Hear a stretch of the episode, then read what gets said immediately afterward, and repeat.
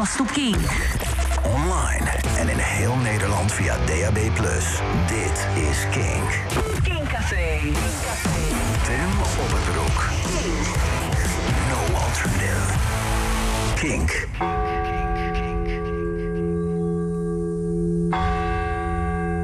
Maar ik had een nieuwe wasmand nodig. Ja, dan moet je natuurlijk. Hè. Dan moet je de deur echt een bizar Nee, ja, als je, als je wasmand, als je, als je een nieuwe wasmand nodig hebt, dan moet je erop uit. Dat klopt, ja. Welkom bij eh Kink Radio. ehm, bij. Kink Radio. we beginnen lekker. Jezus. Ik ga even een slokje water nemen hoor, voordat we beginnen. Vind ik goed, ja. Eh, Talk Radio, eh, dat gaan we doen. Ehm, komende uur, ehm, hier bij Kink. Kink Café, de avondklok. En het is ook zo dat wanneer het café gesloten is... dan wordt altijd een beetje nagepraat aan de bar. Ja, En eigenlijk is dat het allerleukste moment. Ik kan me dat heel goed herinneren toen ehm, ik in mijn stamkroeg nog regelmatig kwam. ehm, toen, ehm, toen was het ook na twee uur eigenlijk het leukste moment. Want dan gaan de deuren dicht.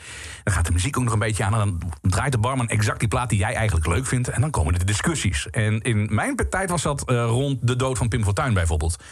Fortuyn was net neergeschoten. ehm, die had 9-11 achter de rug. Er was een hoop aan de hand in de wereld. En we bespraken dat gewoon met z'n allen. En dat was echt, het was zo'n geweldige tijd. En dat werd dan drie uur s'nachts. Het werd dan vier uur s'nachts. Het werd vijf uur. En regelmatig kwam de politie ook langs. Zoals het, dit, dit- kan gewoon niet. Er brandt nog licht. ja, En dan klopten ze op de deur en we kregen allemaal een vaatdoek in onze handen. En dan stonden we met onze zatte koppen daar ge- zogenaamd schoon te maken. En dan zei de barman, het is personeel. ja hij zegt dit gras, dat moet echt even... eh, ja. En daar kwamen we mee weg. Dus dat leuk, was man. echt heel erg leuk. Een aantal onderwerpen die ik graag wil bespreken.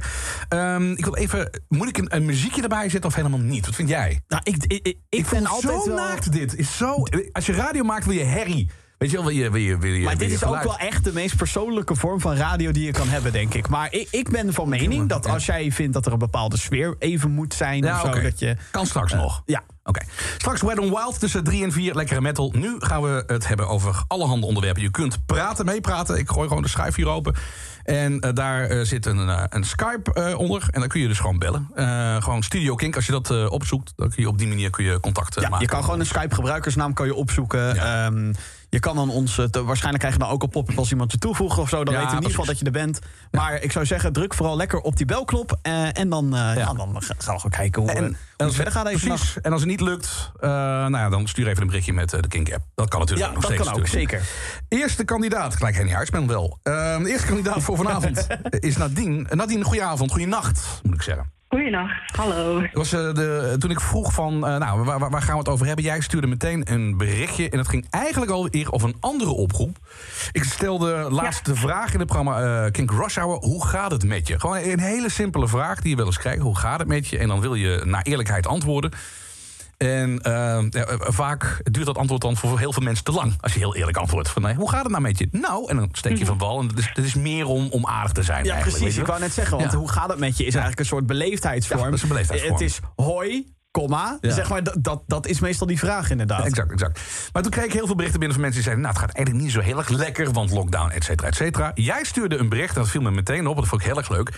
Ja, Tim, ik durf het bijna niet te zeggen... maar het gaat hartstikke goed met mij. Sterker nog, het gaat uitstekend met mij. We raakten zo'n beetje in gesprek. En nou eh, is het zo dat jij bent bezig met een cursus positiviteit. En echt waar, Nadine, eh, dit wordt een leuk gesprek, echt waar. hè, Het wordt een open gesprek. Maar ik heb echt eventjes mijn schoenen weer moeten uitdoen... want mijn tenen die krulden echt helemaal naar binnen. Ik heb er zo'n grafhekel aan, aan mensen die dat zeggen. Maar je hebt vast een goede reden en je kunt het me vast goed uitleggen. Nadine, wat doe jij precies in het dagelijks leven en waarom? nou, ik, moet al, ik moest net al heel hard om je lachen.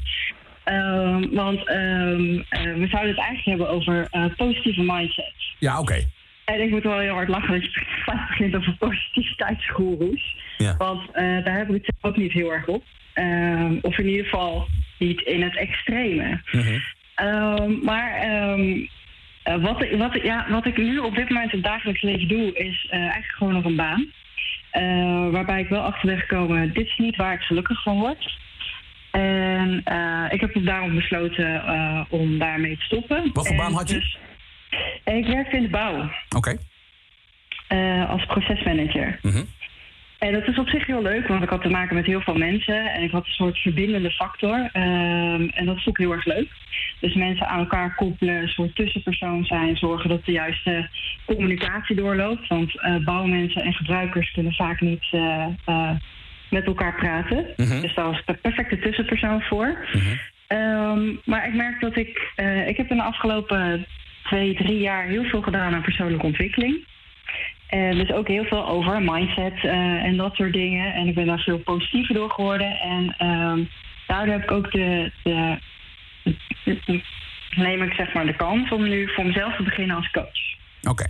Maar dat is, een heel vaag, dat is een heel vaag begrip. Ga je, ga je mensen Ja, coachen? sorry. Ga je, wat, wat, wat ga je precies coachen?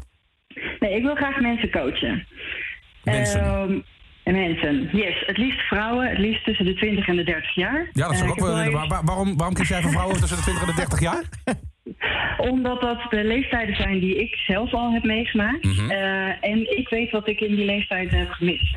Oké. Helemaal als het gaat om eigenwaarde, zelfvertrouwen en inderdaad een positieve mindset. Ja, want ehm, vrouwen tussen de 20 en de 30 hebben veel te maken met ehm, eh, problemen als het gaat om, om, om zelfvertrouwen. Dat, dat, dat is een, echt een ding?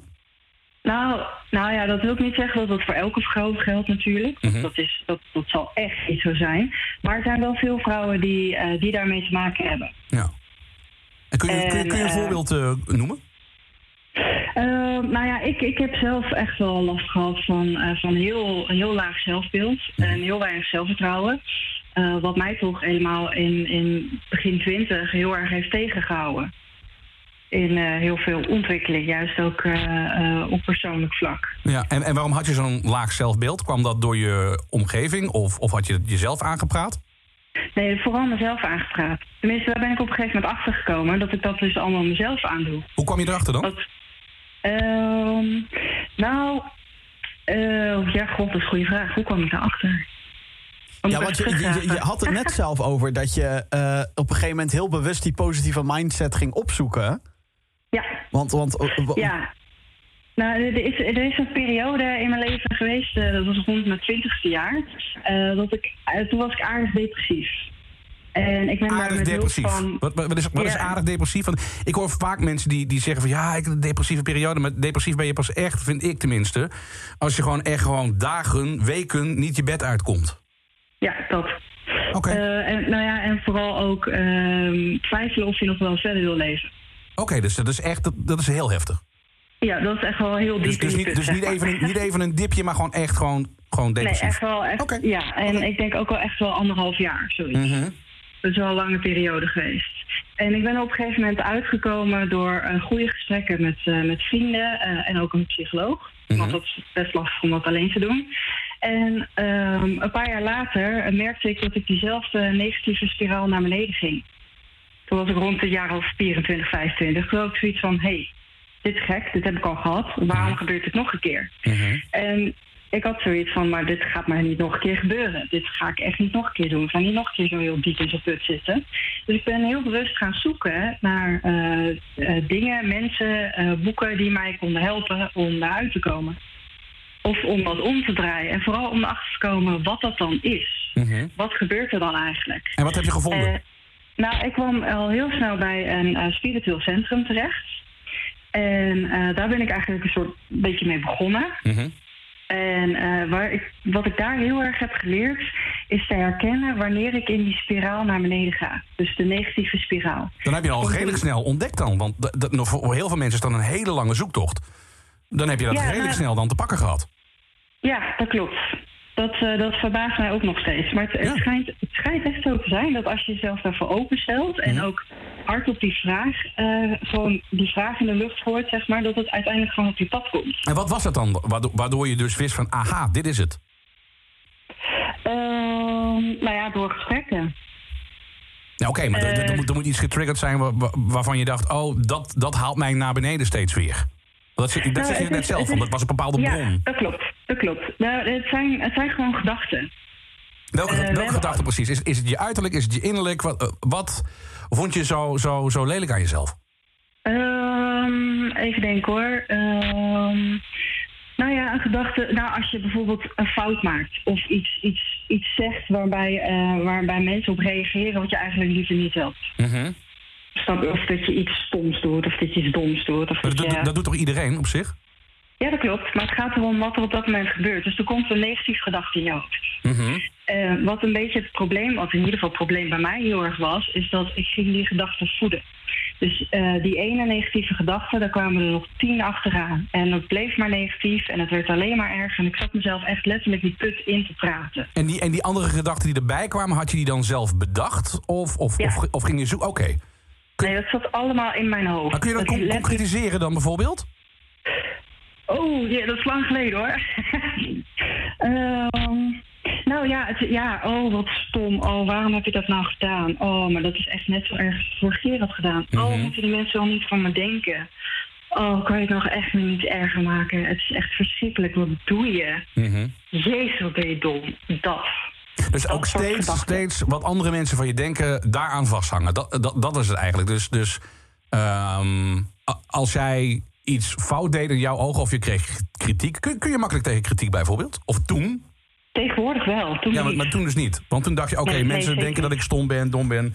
En, en dat Ja. heeft geen enkele oorsprong. Want het kan ook heel goed zijn dat dat gewoon vroeger is aangepraat bijvoorbeeld. Of dat... Oh, zeker. Oh, maar ik denk dat er heel veel eh, oorsprong eh, zijn. Maar ik vroeg je net van of het, er- of het een oorsprong had. En toen zei je nee, ik heb me allemaal zelf aangepraat. Maar dat is wel een, een, een oorsprong. Het, het is misschien... Ja, oh, op die manier. Ja, nee, zeker. Nee, zeker. Het komt, Ja. het komt altijd ergens vandaan. Ja. Waar komt het bij jou vandaan dan? Ehm, ah ja, sowieso uit de kindertijd. Kijk, het, het is zo dat een kinderbrein slaat dingen anders op dan, eh, dan hoe het in werkelijkheid is. Mhm. Dus ik heb een aantal eh, dingen van mijn ouders opgepikt als zijnde dat je niet goed genoeg bent. En, en, en, wanneer gebeurde dat? Eh, dat gebeurde bijvoorbeeld eh, als ik thuis kwam met een, een tekening of een werkje wat ik op school had gemaakt. Ik was heel creatief, was er heel enthousiast over. Mhm. En dat, dat werd een beetje weggeweven, weet je wel, van oh, nu even niet. Wat- wat- dat soort- Sorry, wat, wat zeiden je ouders? Nu even niet. Ze, hadden, eh, ze waren druk, hadden een drukke baan. Ja, ook, nou ja, weet je, dat, eh, het is ook gewoon het leven. Het is, Maar ja, is- dat zeg je wel. Het, het is het leven. Nee, maar het is, Oh, nee, maar het is, nee, nee, maar- maar luister, het is, het is niet zozeer eh, wat mijn ouders deden. Het ging om hoe ik daarop reageerde. Nou, maar hoe ik dat heb opge- opgevangen als kind? Ja, nee, maar dat li- lijkt me heel duidelijk. Maar nu geef je jezelf eigenlijk bijna de schuld. Terwijl eh, als, als een kind met een mooie tekening thuiskomt... en er wordt gewoon geen aandacht aan besteden, of eh, nu even niet... Ja, maar de grap is, ja, maar weet je wat grap is, Tim? Dat het, ho- het hoeft maar één keer te gebeuren. Is dat zo? Ja, dat, zo werkt een kinderbrein. Maar dat is Dat super is, fragiel namelijk- dat dus. is echt het bizarre. Ja, ja, dat absoluut. Wauw. I know. Ja, dat, dat, daar ben ik zelf ook heel erg van geschrokken hoor. Want het zijn dus, maar het zijn dus ook de verhalen die je zelf creëert. En dat is dus van iets heel kleins iets heel groots maken. En als je dat constant maar bij je draagt en groot maakt en erger maakt, Mhm. dan is er op een gegeven moment die bom die barst. En dan kom je dus zo diep in die put dat je er bijna zelfs niet meer uitkomt. Het kan dus echt door, door dat gewoon één keer... Maar goed, dat is ook bij ieder kind anders natuurlijk. Waarschijnlijk. Ja, zeker, zeker. Maar, het ja, kan gewoon bij, maar, maar was het bij jou dan structureel dat jij genegeerd werd? Dat jij geen liefde ontving van, nee, van je ouders? Nee, zeker niet. Nee, nee, Maar ja, je, je kunt je dit eh, wel nog heel erg goed herinneren. Dus het heeft blijkbaar wel indruk op jou gemaakt toen. Het heeft indruk op mij gemaakt, ja, Ja. absoluut. Jouw zelfbeeld eh, werd lager en lager en lager. Je kwam in de put. Uiteindelijk Ja. ben je gaan zoeken bij zo'n spiritueel centrum. Toen kwam je erachter van, oké, eh, dit, dit is mijn gedachtepatroon. Daardoor raak ik in de knoop. En Ja. uiteindelijk heb je iets gevonden waardoor je dat kan tegengaan bijvoorbeeld? Of hoe, hoe zit je er nu Ja, in? maar ja, op een gegeven moment heb ik al heel erg geleerd wat er nou eigenlijk gebeurt. En dat is belangrijk. Dus ik, ik had op een gegeven moment door wanneer die spiraal naar beneden ging. Waardoor ik mezelf dus in de put aan het praten was. Mhm. En ik heb gewoon door er constant bewust van te worden, iedere keer gedacht: oh, wacht, nu Maar doe je het weer. Even, even, wat doe je in een spiritueel centrum? Want eh, eh, ben je daar gewoon met eh, in kringetjes aan het praten? Wat je altijd. Ja, ja, ben, ben je daar. Ja, nee, maar ik, je hebt het de hele tijd over een spiritueel centrum. Maar is dat een Nou plek waar psychologen bij elkaar komen? Ga je daar in zo'n. Wat je ook Nee, vaak in die films niet, ziet. nee. Oké, ik heb dit. Nee, weet je, van die kringetjes, gesprekskringen. Wat doe je daar? Nou ja, dit, dit, was, eh, ehm, dit, dit, waren gewoon, dit was gewoon een koppel. eh, twee oudere mensen die eh, hun, eh, wat hun doen, zeg maar, een spiritueel centrum noemen. En eh, wat ik daar heb gedaan, ik heb er bijvoorbeeld de cursus Reiki gedaan. eh, ik heb daar eh, meditatiesessies gedaan, visualisaties. En ik heb een aantal soort coachgesprekken gehad. Dus gesprekken en ook een soort van energetische behandelingen. En ik kan me heel goed voorstellen dat dit voor heel veel mensen heel wollig en zweverig klinkt. Maar dat is in ieder geval mijn begin geweest. Eh, twee jaar geleden eh, heb ik eh, iets anders ontdekt. Wat veel meer down to earth is, zeg maar. Veel ja, veel meer heeft geleid van hoe ik er nu in sta. Mhm. En dat, dat gaat meer over mindset. En dat is zeg maar, wanneer je zoiets aanvoelt komen, dat je dat dan kunt begeleiden, dat, dat, dat je het op andere gedachten kunt zetten, letterlijk en figuurlijk. Ja, Oké. Nu wil je andere mensen hiermee eh, mee gaan helpen. Ehm, Mhm. Daar zijn er vreselijk veel van dit soort coaches. Ik heb er zelf eentje gehad. Ga ik, je Mhm. eerlijk, ga ik je eerlijk vertellen. Eh, ik heb regelmatig in de knoop gezeten. En ik ben ook wel eens naar een psycholoog gegaan. Eh, bij mij heeft dat niet geholpen. Bij mij heeft het niet gewerkt. Eh, nou, dat was gewoon geen klik.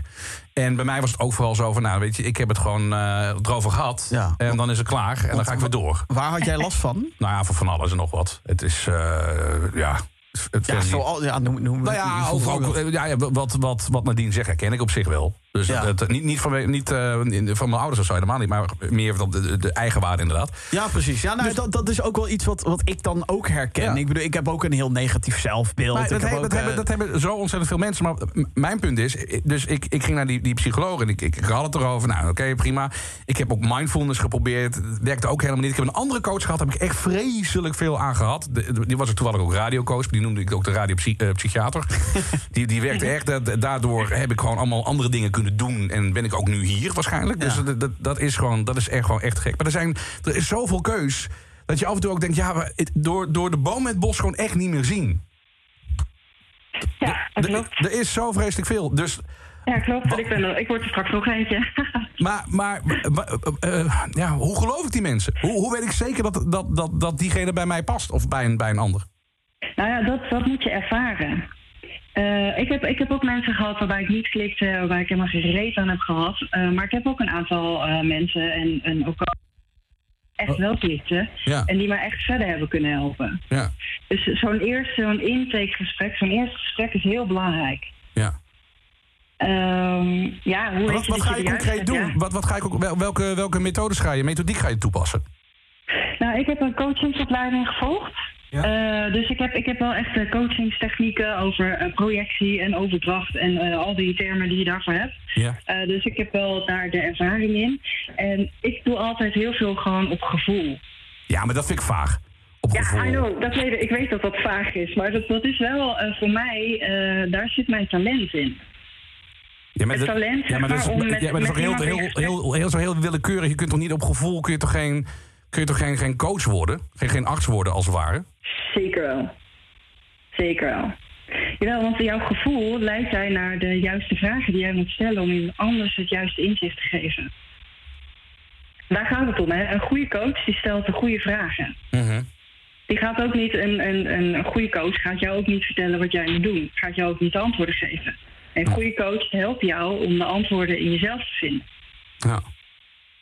Ik pak even wat eh, reacties eh, erbij, eh, Nadine. Helemaal goed. Kom op. Rob Dame zegt goed en herkenbaar gesprek. Ik denk dat heel veel mensen het herkennen. Edi zegt zeer herkenbaar dit verhaal. Heb je ook een advies voor mensen die minder sociale contacten willen dan een gemiddeld persoon? En het niet fijn vinden om te communiceren? Vind ik een hele goede vraag eigenlijk. Nou ja, je, zou, je zou je vraag. Nou ja, je zou jezelf de vraag moeten stellen waarom je dat zou willen. Mhm. Eh, ik kan me voorstellen dat ehm, als je de. Ja. Dat is een goeie. Ja, dat zou je echt. Ik, zit, zit een beetje te zoeken naar, naar de juiste antwoorden. Maar eigenlijk ben ik helemaal niet degene die daar antwoord op moet geven. Nou ja, dit is je eerste, eerste casus als coach. Kom op. Ja, maar dan moet je met, de, maar dan moet je met diegene in gesprek gaan. Nee, ik begrijp het, ik begrijp het. Nee, dat is heel flauw. Maar- maar- weet, je wat, nou, ja, weet je wat ik namelijk ook wel heel erg heb geleerd? Is dat een coach ook geen advies geeft. En dat, dat Oh. is een beetje een dunne lijn, hè? want je kan natuurlijk wel eh, bepaalde dingen aandragen wat zou kunnen helpen. Ja. Ehm, maar het is altijd heel lastig om advies te geven. Want ik kan alleen maar beoordelen vanuit mijn belevingswereld. Ja, maar dan, dan, dan betrek je toch alles van op jezelf en dan, dan lijkt het alsof Ja. je helemaal niet, niet eh, meegaat in de beleving van de, van de persoon. Zoals je dat nu Jawel, zegt. ja, ze- ja, zeker wel. Ehm, want dat, dat is dan toevallig ook alweer iets waar ik heel goed in ben. Maar dan, je moet met iemand in gesprek. Ja. En al, al, al gaandeweg dan kom je erachter van... oké, deze persoon... daarmee kan ik op één level zitten. Daarmee kan ik gewoon aanvoelen hoe en wat. En, eh, nou ja, Ja, precies. oké. Ja, Nou ja, Nadine, ik wens jou eh, verschrikkelijk eh, veel succes. Dankjewel. Mirjam zegt veel te zweverig voor mij, eh, maar wel mooi dat mensen er zijn die iets hebben aan spirituele dingen. Nou ja, daar, daar sluit ik mij eh, volledig bij aan. En eh, Ja, je weet het nooit, eh, Nadine. Ehm, misschien dat ik eh, me er nog meer in ga verdiepen. Maar ik wil je in ieder geval heel erg bedanken voor het gesprek. En ik hoop dat je het een beetje leuk vond. Ja, zeker. Ik vond het Goed zeker zo. leuk. Ik wens je heel veel, ik wens je heel veel eh, succes in elk geval. Dankjewel. Maak er iets moois voor van. de uitzending. Oké, Dankjewel. dag Nadine. Hey. Alright. Nou, nou lijkt net eh, Robert Jensen. Alright, Ja. hoop, doen. Ja, sorry hoor, maar wat een vaag gebeuren. Nee hoor, nee, dat moet je nou niet zeggen. Dat is, nee, dat had je moeten zeggen. Nee, nee, dat vind ik niet. Nou ja, het is... eh nou, Ja, nee, nou ja, ik, tussen die ik snap, ik, ik, bedoel, ik ben het met Mirjam in dit geval eens. Veel te waar? zweverig. Nou, nee, kijk, weet je wat het is? Ik vind het ook ergens een beetje ehm, eh, gevaarlijk. Omdat je soms inderdaad ook te maken hebt met mensen die professionele hulp nodig hebben. En, ja, maar dit is, ook eh, wel, dit is ook wel een professional. Of dit wordt een professional. Nou ja, ik vind niet dat een coachingcursus hetzelfde is als psychologie. Als Ja. je het aan mij vraagt. Nou ja, Dus dat, en, en als je dan. Nou ja, goed. Ja, maar, ik, vind, ik, vind, ik vind het gewoon allemaal een beetje vaag. En eh, eh, zeker als je dan komt met. ik, ik, ik vertrouw alleen op mijn gevoel. Ja, ik snap het. Alle, alles heeft te maken met gevoel. De manier hoe jij een plaat aankondigt. Hmm. eh, Talk Radio, hallo. Eh, hè, dat gaat ook allemaal op gevoel. Ik snap het allemaal wel. Maar de, ja, toch. Ik, ik weet niet. Ik, eh, Nou. ik ben niet overtuigd in ieder geval. Ik ga even... Ik, ik, ben- ja, ik had dus eigenlijk een kooi-vechter, althans een eh, verslaggever willen bellen. Maar ik heb zijn nummer niet. Dus echt super slecht dit. Oh jee. Ja. Meen je dat nou? Dus, eh, maar het is Sander Schrik. Dus ik weet niet of jij zijn nummer hebt Ik, toevallig. ik, ik ga even kijken. Ondertussen ga ik even bellen Dat met... is even schrikken, dacht jij? Ja, ja. ik ga even, eh, even bellen met iemand eh, anders. En dat is eh, Quincy van Dijk. Dat is een Rotterdammer, dat is altijd leuk. En die heeft beloofd wakker te blijven. Want die wil iets vertellen over het mooiste vak dat er bestaat volgens hem. Leraar in coronatijd. Of ja, niet zozeer in coronatijd, maar leraar.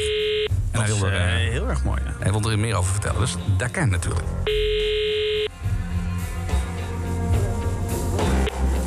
Quincy. Hey Quincy, met Tim en Jim van Kink. Goedenavond. Nacht Hey. inmiddels. Morgen. Ja, goeienacht. Ja. Ja, hoe Je hoe voelt het voor jou? Heel sterk, heel sterk dit. heel goed. Het voelt goed, het voelt goed. Wat fijn dat je er bent. Eh, Quincy, jij eh, stuurde mij een, eh, een berichtje met de King Gap. Ja. Eh, en ehm, nou ja, jij, jij wil iets vertellen over, jouw over jouw werk als leraar van groep 8. Een van de belangrijkste jaren van een kind. Nou, we hadden het er net over. Ben je het ermee eens overigens dat kinderbrein zo fragiel is... dat, dat, dat een, een afwijzing, al is het maar één keer zo geweest... dat dat gewoon bepalend kan zijn voor de verdere ontwikkeling? ja, dat denk ik wel. Echt waar? Ja. Daar sta ik ja. echt van te kijken, serieus. Ik dacht, maar, eh, ja, Ja, ik ook. we, we zitten, we zitten in, een, in, een, in een wereld van... eh, nou, ze worden ook wel snowflakes genoemd. En ik, ik, ik begrijp dat af en toe... Ik begrijp dat ook echt wel. Mensen die echt denken van... Kom op jongens, af en toe, kom op. Weet je... Ah. Nou, het is ook, het is ook een beetje, eh, en dat is het internet waar we ook natuurlijk nu in zitten, is dat een negatief zelfbeeld waar we het net dan over hadden. Dat wordt je zo snel aangepraat. Want je hoeft maar een, een Instagram of een Facebook of een Twitter of whatever te openen. Het is meteen al, kijk eens hoe mooi dit is. En als je dat niet bent, dan ben jij dus. En daar komt het negatieve Maar, zelfbeeld nou, maar daar ben je zelf ook bij. Daar ben je echt Ja, zelf tuurlijk. ja, bij. nee, daar ben ik het mee eens. Je ja. kunt, je kunt ook net, je- net zo eh, goed je daarvan afsluiten en bedenken van... ik doe mijn eigen ding wel. maar dat je is voor de ene natuurlijk veel moeilijker dan de Ja, ander. dat is wel- Zeker als je gepest herken wel. Ja, dat is ook jonge Ja. leeftijd. En zeker als je pas 11 of 12 jaar bent, hè? Ja, maar gewoon één klein, klein ding kan dus inderdaad eh, bepalend zijn voor de rest eh, van je leven. Quincy, eh, groep Ja. 8, waarom is dat zo'n belangrijke eh, groep en belangrijke leeftijd? Nou ja, dat is natuurlijk een leeftijd. ehm, hè, je moet eh, kiezen voor, eh, voor eigenlijk je toekomst al. Hoe stom dat ook klinkt, want je gaat naar eh, de middelbare school. Nou ja, je bent eh, eh, ja, eh, 11, 12 jaar en eh, ja, je moet eigenlijk al eh, bepalen wat je heel erg graag wilt worden. Dan moet je eigenlijk op die leeftijd moet je daar wel over nadenken. Dat is absurd eigenlijk, hè? Ik kan me dat heel goed herinneren Ja. toen ik in groep 8 eh, zat. En ehm, ik wilde eigenlijk eh, maar één ding, is of naar de toneelschool... of ik, ik wilde iets bij, eh, bij de radio. Maar dat werd eh, meteen al een beetje weggelachen van... ja, dat, eh, dat gaat hem toch niet worden. Had jij ook toneelschool, ja? Ja, dat wilde ik ook heel graag. Ja, ik wilde echt cabaretier worden toen ik in groep 8 zat. Ja. Dat, was mijn, eh, dat was mijn doel. Ja, dus dat is, en dat, ja, dat, eh, nou ja, maar goed, maar goed, je moet die keuze maken inderdaad. En, en dan word je naar een bepaalde eh, hoek gestuurd. Ehm, maar maar hoe, hoe sta jij daar tegenover? Is, is, dat, is dat een goede, goede manier van? Nou ja, goed, kijk, net wat je zelf zegt. Je weet zelf nog heel goed wat je heel erg graag wilde worden. Ehm, en ik weet dat zelf ook. Ik, ik wilde zelf heel erg graag eh, leerkracht worden.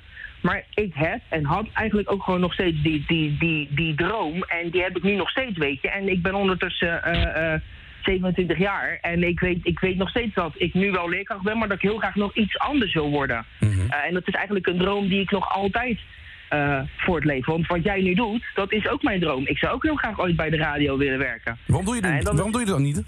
Nou ja, zeker. Weet je, dat, dat, dat, dat gaat zeker ook ooit, echt nog wel een keer gebeuren. En dat is ook wat ik eigenlijk altijd de, ja, mijn leerlingen voorhoud. Van joh, ik heb altijd een droom gehad dat ik heel erg graag leerkracht wilde worden. Dat ben ik nu. En ik heb ook nog een droom dat ik graag later iets anders wil gaan doen. En die droom die zet ik zeker voort. Dus je bent nooit te oud om ergens over te dromen. En zolang je iets droomt, dan kan het ook altijd nog ge- ja, gebeuren. Dat is wel heel essentieel wat je daar zegt. Want vaak is het zo dat uh, na een CITO-toets bijvoorbeeld... of als je naar het voortgezet onderwijs gaat... er echt op het hart wordt gedrukt van... oké, dit is wat je gaat doen en, en daar gaan we naartoe werken. Er is nooit dat een optie wordt uh, uh, gemeld van... nou ja, je kunt ook halverwege gewoon van het paard stappen... en, en een heel ander pad kiezen.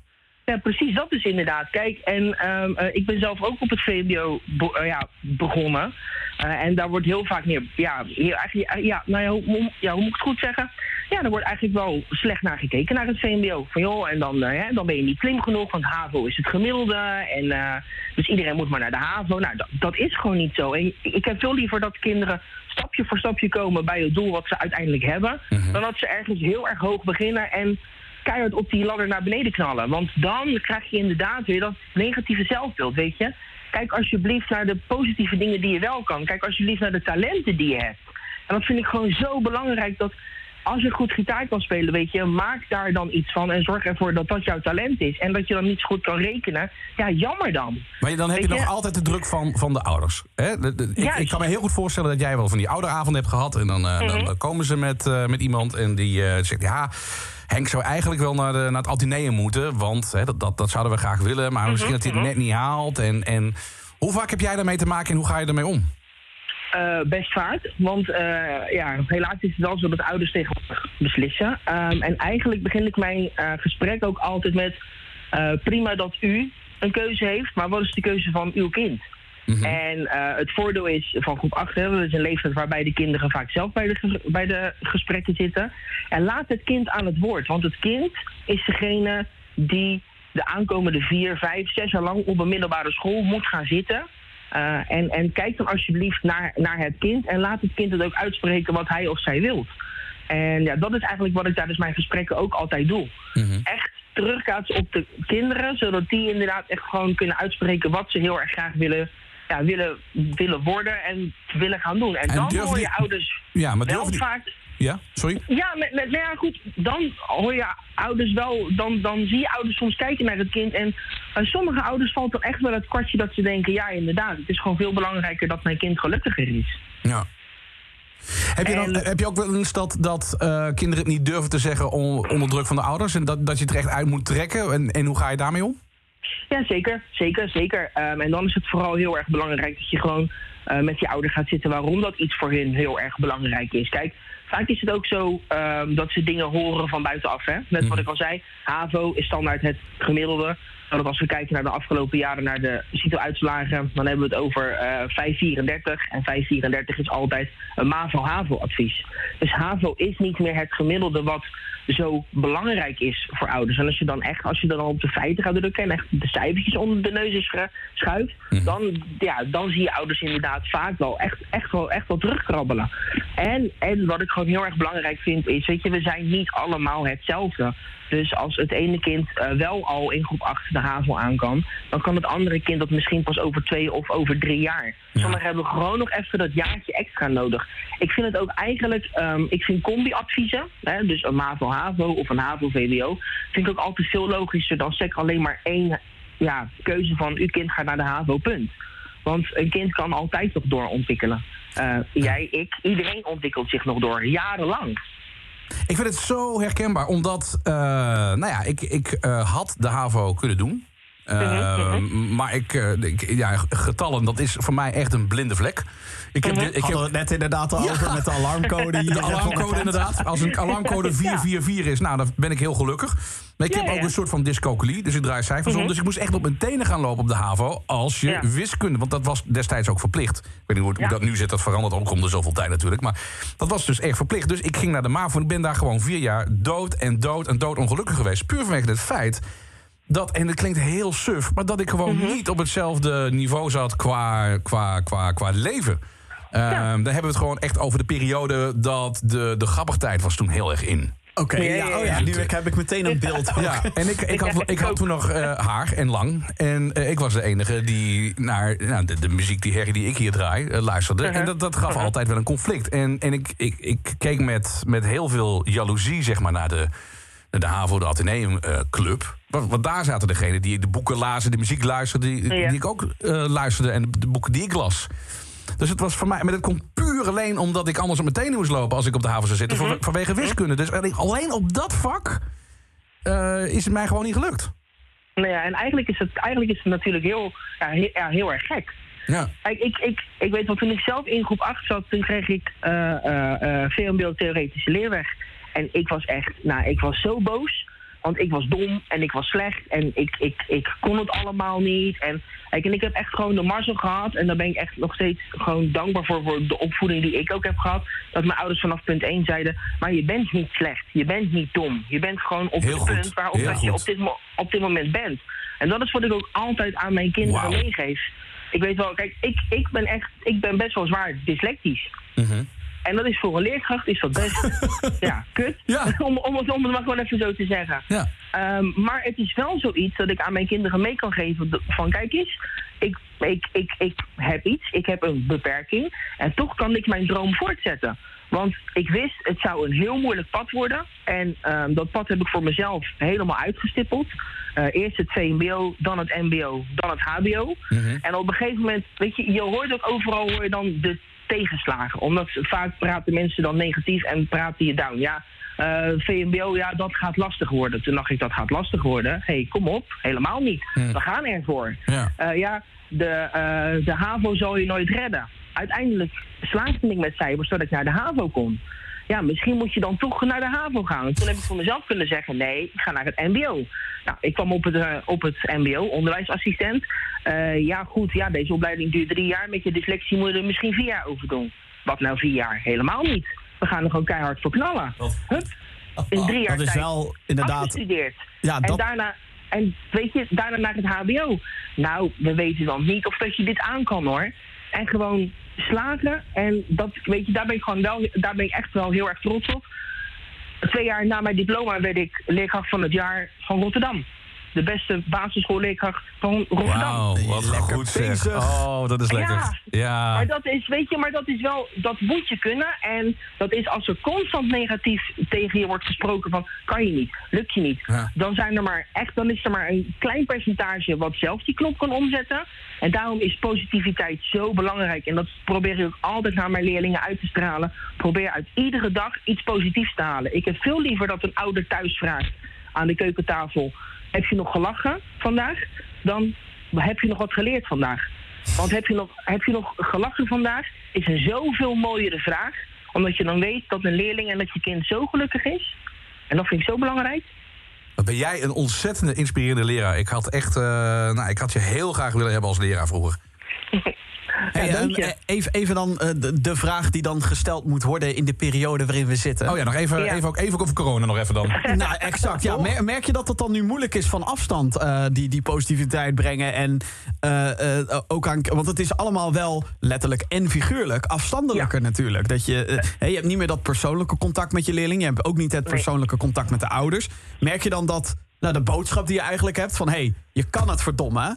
Als ik het even zo vrij mag ja, vertalen. ja. Eh, is, is dat lastiger of, of heb je juist nu het idee dat dat. Of merk je er geen verschil? Dat kan ook. Hoe, hoe kijk je daar tegenop? Eh, het is, ja, het is lastiger omdat je nu met z'n allen in een soort eh, virtuele classroom zit, om het maar even zo te zeggen. Via, eh, ja, wij doen alles via Microsoft Teams. Ehm, maar juist dan is het belangrijk dat je misschien iedere dag dit verhaaltje doet.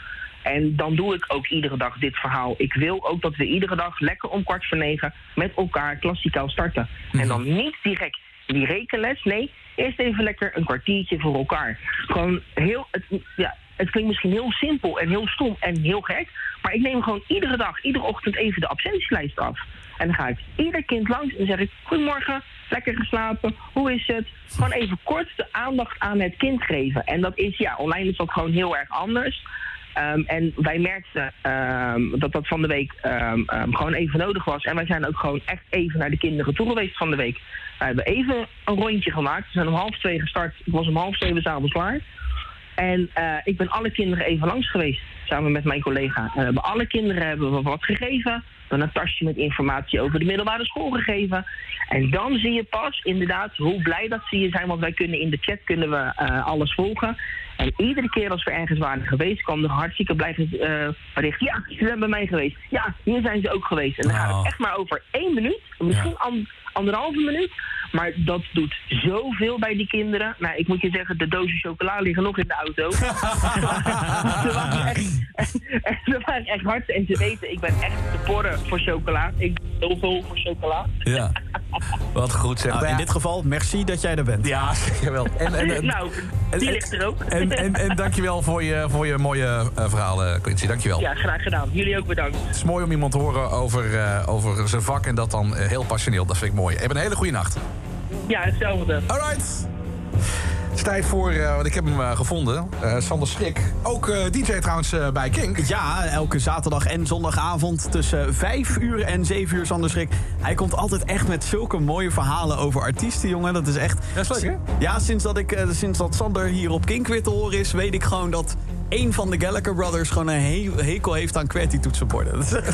Ja, nee, dat is prachtig, joh. Maar hij is dus ook eh, sportcommentator. Ja, nou, en die is En een beetje ook, hè? Helemaal gek van de UFC en van eh, andere vechtsporten. Ja.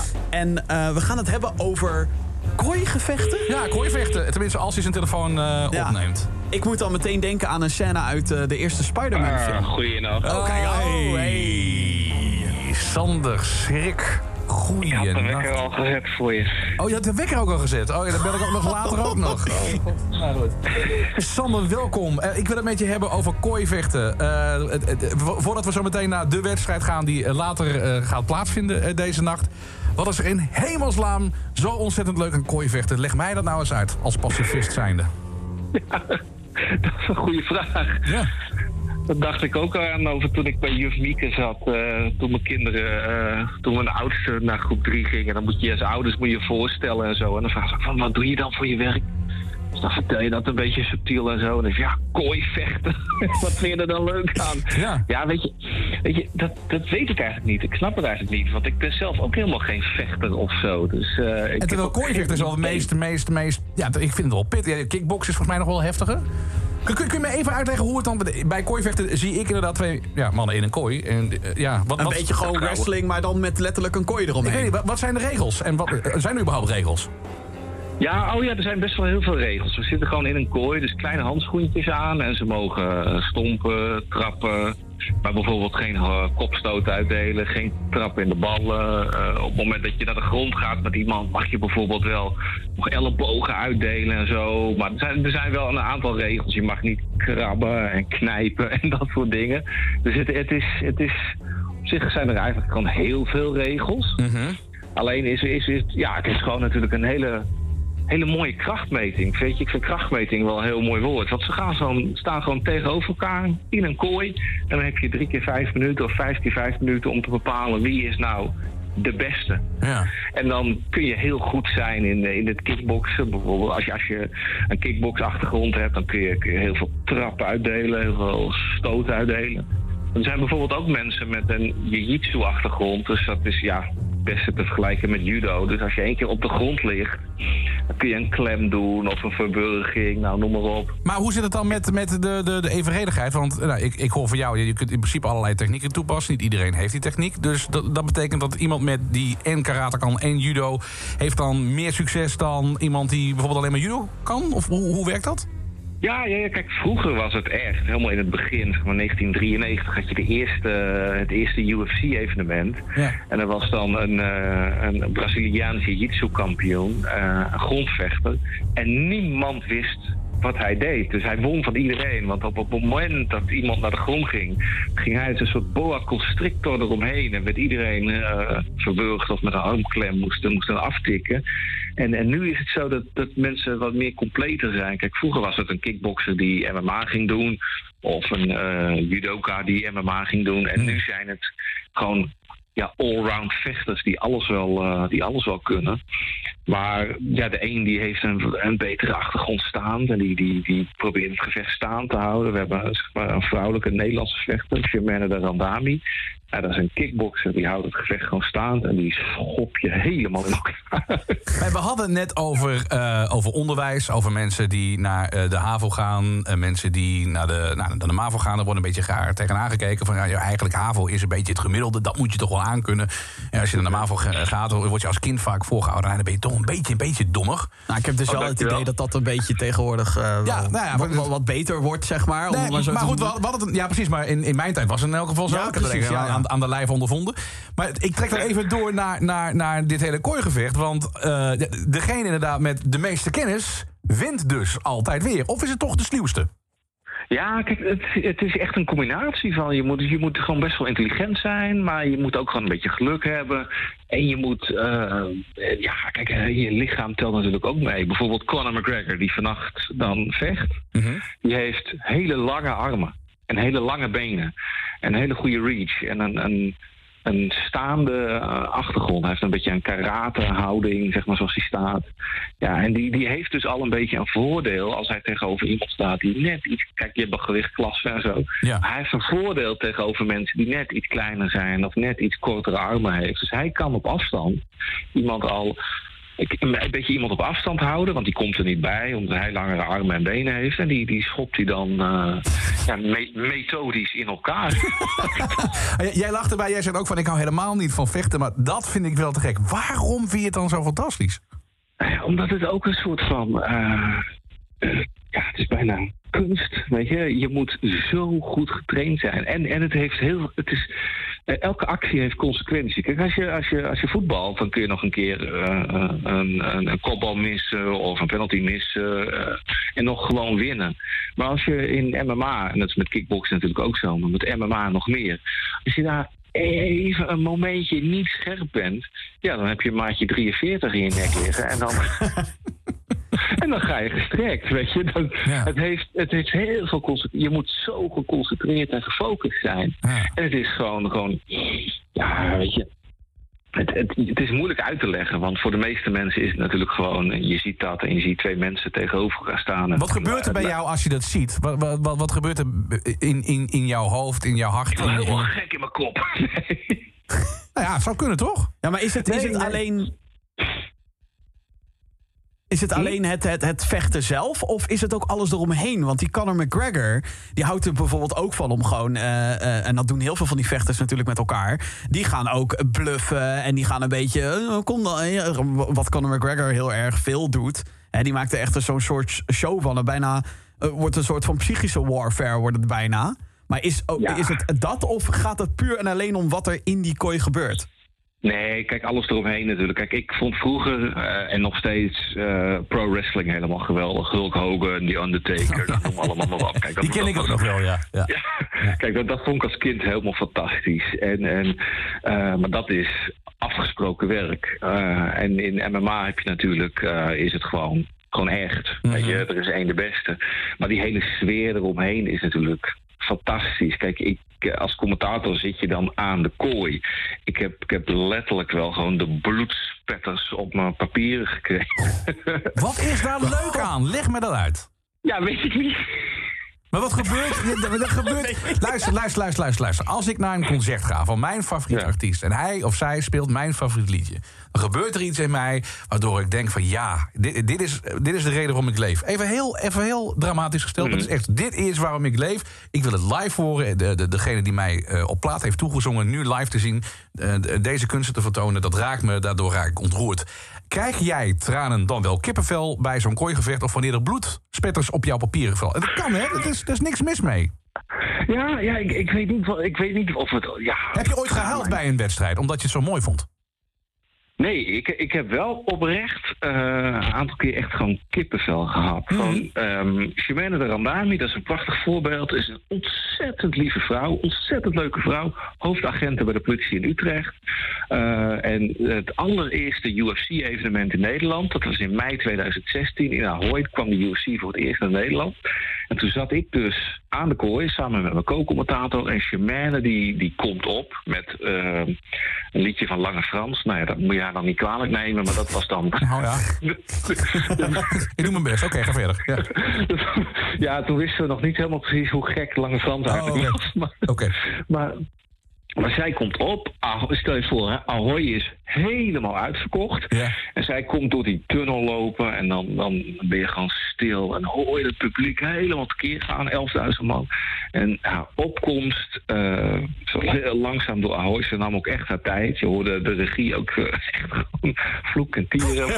Schiet nou op, Genk! Ja. Want, ja, we hebben een draaiboek, weet je wel. Ja, ja, En nou, toen had ik echt kippenvel. Want het publiek, dat zweet daar helemaal op. En zij was zo oprecht aan het genieten. En toen kende ik haar nog niet persoonlijk. En haar coach ook niet. Maar ze was zo oprecht aan het genieten. En toen eh, dan moest ze vechten, dus tegen een, een Deense. Nou ja, die was echt niet goed genoeg. Dus die kreeg ook een pak slaag, dat wil je niet weten. Maar die ontlading bij Germaine, dat was zo fantastisch. Maar het heeft ook En- wel iets, eh, het heeft ook bij iets fascistisch. Als jij kippenvel krijgt bij het moment dat er één iemand aankomt, het hele publiek jut haar op. En, en, en dat is toch ook wel een beetje dat je denkt. Ik, Ja, maar dat, dat heb je toch ook met een voetbalwedstrijd als je, als je ja, enorm nee, ik, ik, bent ik- van- absoluut. Zeker. Nee, ik, ik, ik, ik stel de vraag ook aan mezelf, want ik heb het ook vaak gehad bij, bij, bij een band. Of, of weet je, dat je af en toe denkt, je staat daar met zoveel man iemand te adoreren. Dat is Mhm. eigenlijk ook wel best wel gek, toch? Ja, dit, dit- dat, dat is het ook. Maar het is ook gewoon wel. En ik moet, ik moet dan zelf altijd een beetje neutraal blijven, natuurlijk. Maar met Germaine mag je dan wel, dan mag je dan wel losgaan. Van jezelf? Ja, ja. ja, ja, dan zeg je ja, doe maar jongen. Goed.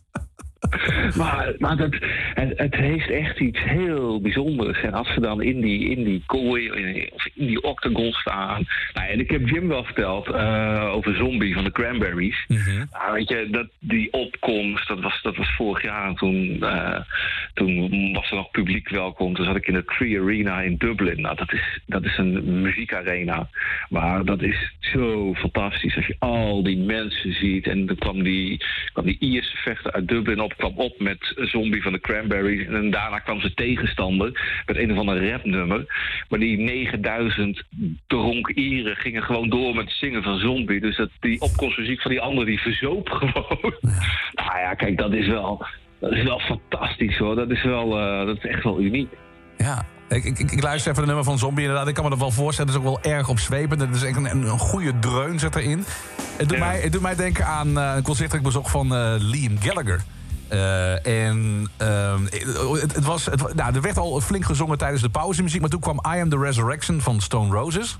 En blijkbaar wist het publiek van... oké, als dat nummer gedraaid wordt... komt Liam Gallagher het podium Oh, op. ieder ja, moment. ja, ja, ja. Oh, En ja. iedereen, al, want er waren, het was in Duitsland, maar er was geen Duitser te zien. Het waren allemaal Britten die gewoon met EasyJet kwamen overvliegen om dat concert te zien.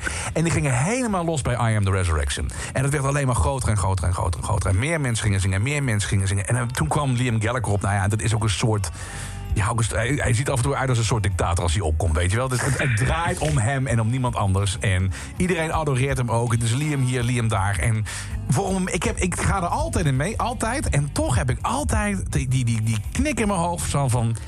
Eigenlijk is het heel raar gedrag. Ben ik, ben ik, dan, ben ik daar de enige in? Of, of heb jij dat ook wel eens, Jim? Nou ja, het, het, het, ligt er denk ik maar net aan waar je in, inderdaad je interesses liggen. Ik, Ja. ik ga even een compleet andere zijweg in. Ik heb zeg maar die, die van waarom juich je überhaupt? Dat heb ik dus bij e-sport. Dat zijn professionele gamers, dus die zijn heel erg goed in een computerspel. En die zitten dan in teams en spelen dan in toernooien, verdienen ook bakken met geld en zo. Maar die verkopen dus ook gewoon stadia uit. Gewoon, en dan staan mensen aan het juichen. En dan denk ik ook, ja, ik bedoel, die gasten zijn een beetje goed in, eh, in het spelen van een schietspelletje. Maar eh, weet je wel, dus dat is Ja. dan compleet anders. Maar dan zie ik die mensen echt helemaal opgaan Maar wat is dat toch? En dan denk ik, ja, het is toch wel mooi om te zien hoe mensen daarin ja, losgaan. ja. En ik bedoel, dan heb ik het nu over een echt een niche van een niche van een niche natuurlijk. En dan is een concert en een, en een, een idool als Liam Gallagher is dan veel ja, tastbaarder, denk ik. Veel begrijpbaarder. Op, op de een ja, of andere dat manier. zou kunnen, ja. En eh, eh, ja, daarom vind ik het ook echt heel mooi om Sander op deze manier Ja, te horen. nee, dat zeker hij, wel. Ik Dat hij het- helemaal kippenvel krijgt van, het van een, fascinerend. van een eh, een bloedspetter op zijn papier. Ja, ik zou ook kippenvel krijgen, maar dan net op een andere manier, denk ik. Heb je, heb je de papieren nog? Heb je het bewaard ook, eh, Sander? Is Nee, een nee, nee, die heb ik, die heb ik weggedaan en het eh, bijbehorende overhemd heb ik ook. Hoe ga je dat uitleggen inderdaad als je thuis komt? ja, het was een ongeluk, echt waar. Niets aan doen.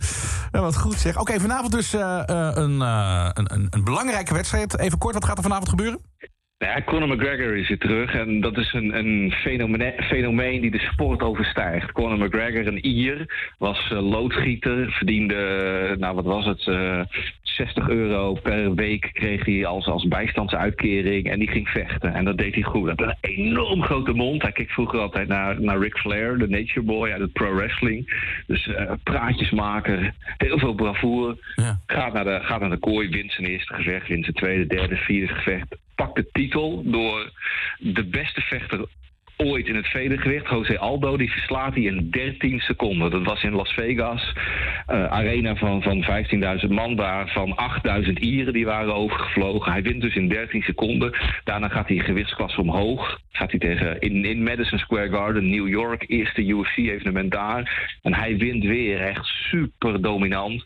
Twee titels, twee gewichtsklasses. Hij is een soort van fenomeen. En omdat hij ook nog een enorme showman is, vindt iedereen het interessant. Iedereen die ook maar iets heeft, die, die eigenlijk nooit naar MMA of naar de UFC kijkt, heeft zoiets van: wauw, hier moet ik naar kijken. Is net als Rico of Badder in het kickboksen, weet je. Dan is iedereen opeens fan. Iedereen die heeft er ook opeens verstand van. Ja, ja En- waar, ja. Ja, ja, ja, ja. dat is, dat is bizar. Want uh, Conor McGregor, iedereen die begint er dan over. Ja, dit en dat. En eh, lange benen. En hij moet hem op afstand houden. En dan denk ik, ja jongens, wat wil je nou? maar maar, maar hij, hij, is dus, eh, hij is dus terug. Vorig jaar heeft hij één keer gevochten. En hij heeft dus eigenlijk altijd een stapje extra gezet. Toen hij, toen hij kampioen was in één divisie, is hij de tweede divisie erbij gaan doen. Maar nu zit ja, min of meer de klap er een beetje in. Dus nu gaat hij tegen iemand vechten waar hij al een keer eerder van heeft gewonnen. En ehm, die beide hebben ze verloren van de, van de grote kampioen Khabib Nurmagomedov. Dat is een soort van eh, ja, boa constrictor die van iedereen wint. Maar ja, als corner vecht, iedereen wil dat zien. Dus hij staat tegenover Dustin Poirier, die, die zich heel erg inzet eh, voor een goed doel. Hij heeft zelf een, een goed doel in, in Louisiana. Hij helpt jongeren met, met, met achterstanden en zo. Dus ze hebben zelf weer besloten, we gaan tegen elkaar vechten. Nou ja, heel verhaal. Conor is terug en nu is de vraag van... eh, is hij nog steeds zo goed als hij altijd was? Hij heeft ook allemaal schandalen aan zijn broek hangen. Rechtszaken, dit en dat. Eh, vroeger was hij een god in Dublin. Nou, de laatste keer dat ik in Dublin was... en de taxichauffeur beschreef Conor McGregor... heb ik het woord gobshite ge- geleerd. Kopsite. Ja, gobshite, dat is, eh, ja, hè, je, bent, je hebt een hele grote mond en je praat shite. Ik heb de mok op het vliegveld ook nog meteen gekocht, ik vond wel leuk. de koffiemok. Maar ja, dus nu is het de vraag van, nou, hoe goed is Conor? En kan hij hierna weer om de titel gaan vechten? Er zit een heel verhaal achter en dan tegen Dustin Poirier. Een hele sympathieke jongen uit Louisiana die zich echt omhoog heeft geknokt. In het vorige gevecht tussen deze twee werd, Poirier vernederd door. Gewoon twee minuten, toen was het klaar. Hij kreeg een paar, paar trappen, een linker stomp in zijn gezicht en toen was het afgelopen. Ja. Dus, dus, dus dat is nu de vraag van wat, wat kan Conor nog en hoe goed is die en wat doen al die schandalen met hem en zijn, zijn affaires en zijn cocaïnegebruik, want dat wordt ook allemaal een beetje... Is hij wel van een voetstuk afgevallen, ook, ook bij jou, of niet? Nou ja, kijk, ik heb het nooit echt een leuke man gevonden. Eh, Maar ja, je, je praat erover alsof het God zelf is. Nou ja, meer dat hij een fenomeen is en dat mensen hem als fenomeen zien. Want ik krijg dan appjes van, van vrienden van, van ja, zes uur Connor gaat vechten. denk ik van ja, jongen, ik, ik hoor je alleen maar over FC Barcelona en Messi en opeens gaat het ook over Connor. Eh, maar ja, het is natuurlijk wel iemand die, die gewoon heel veel pay-per-views eh, verkoopt. Weet je, 80 dollar volgens mij. En dan verkoopt hij er, eh, verkoopt hij er een miljoen, 2 miljoen. Ja. Dus eh, het, het is iemand die, die, die iedereen bezighoudt. Dus ik ben ook wel benieuwd. Kijk, ik hoop stiekem dat Poirier hem gewoon helemaal neer, helemaal in de pan gaat. Echt waar? Ja, ik, ik, ik vind Poirier, dat is een oprecht aardige jongen. Oké, dus dan, dan kies je, je kiest altijd voor die underdog. Nou, niet altijd. Maar in dit geval wel. Maar in dit geval, in dit geval wel. Kijk, er lopen een aantal hele sympathieke eh, types rond. En er lopen ook een aantal enorme rufters rond. Ja, het is net een beetje het echte leven eigenlijk. Ja, dat is wel waar, ja. ja. Hoe Dus, laat, hoe, eh, ja. hoe laat gaat het eh, beginnen vanavond, vannacht? Ja, de show om vier uur en dan eh corner tegen een uur of eh, zes, half zeven. Dat hangt een beetje van. Er zitten vier wedstrijden nog voor en dat hangt een beetje vanaf of dat drie rondes duurt of dat iemand in eh 13 seconden neergaat. Hè. Dan moet het allemaal wat sneller. Ja. Dus eh, ja, ja ik, ik heb er wel zin in eerlijk gezegd. Ik, eh, ik merk het aan je. Geniet ervan in elk geval. Ja, dankjewel. Hey, en Sander- jullie nog succes hè? Ja, dankjewel hoor. En tot snel hè, Sander. Jo, doei. Hey, Sander Streek, je hoorde hem eh, ieder weekend op Kink. Eh, tussen 5 en 7. Mooi is dat, hè? Hoe Zaterdag en eh, zondagavond. Dus, ja. dus eh, hij gaat waarschijnlijk, eh, als hij die wedstrijd gezien heeft... gaat hij weer even een dutje doen. En dan komt hij weer naar de King Studio... om Ja, in de middag weer een programma te maken. Ja, ik krijg wel heel veel reacties dat, ze het, dat mensen het snappen. Dat ze er niks mee hebben, maar ook snappen, zeg maar. Ja, Ik eh, lees hier massahysterie bijvoorbeeld. eh dit vind ik ook wel weer leuk om te horen. Ik heb eh, dat app de Bart. Ik heb er helemaal niks mee, maar je hoort de passie alsof het dus over een band gaat. Nou, dat is dan de passie die je bij meer Kink DJ's hoort. En Anouk die stuurt een foto van een paar sumo-worstelaars.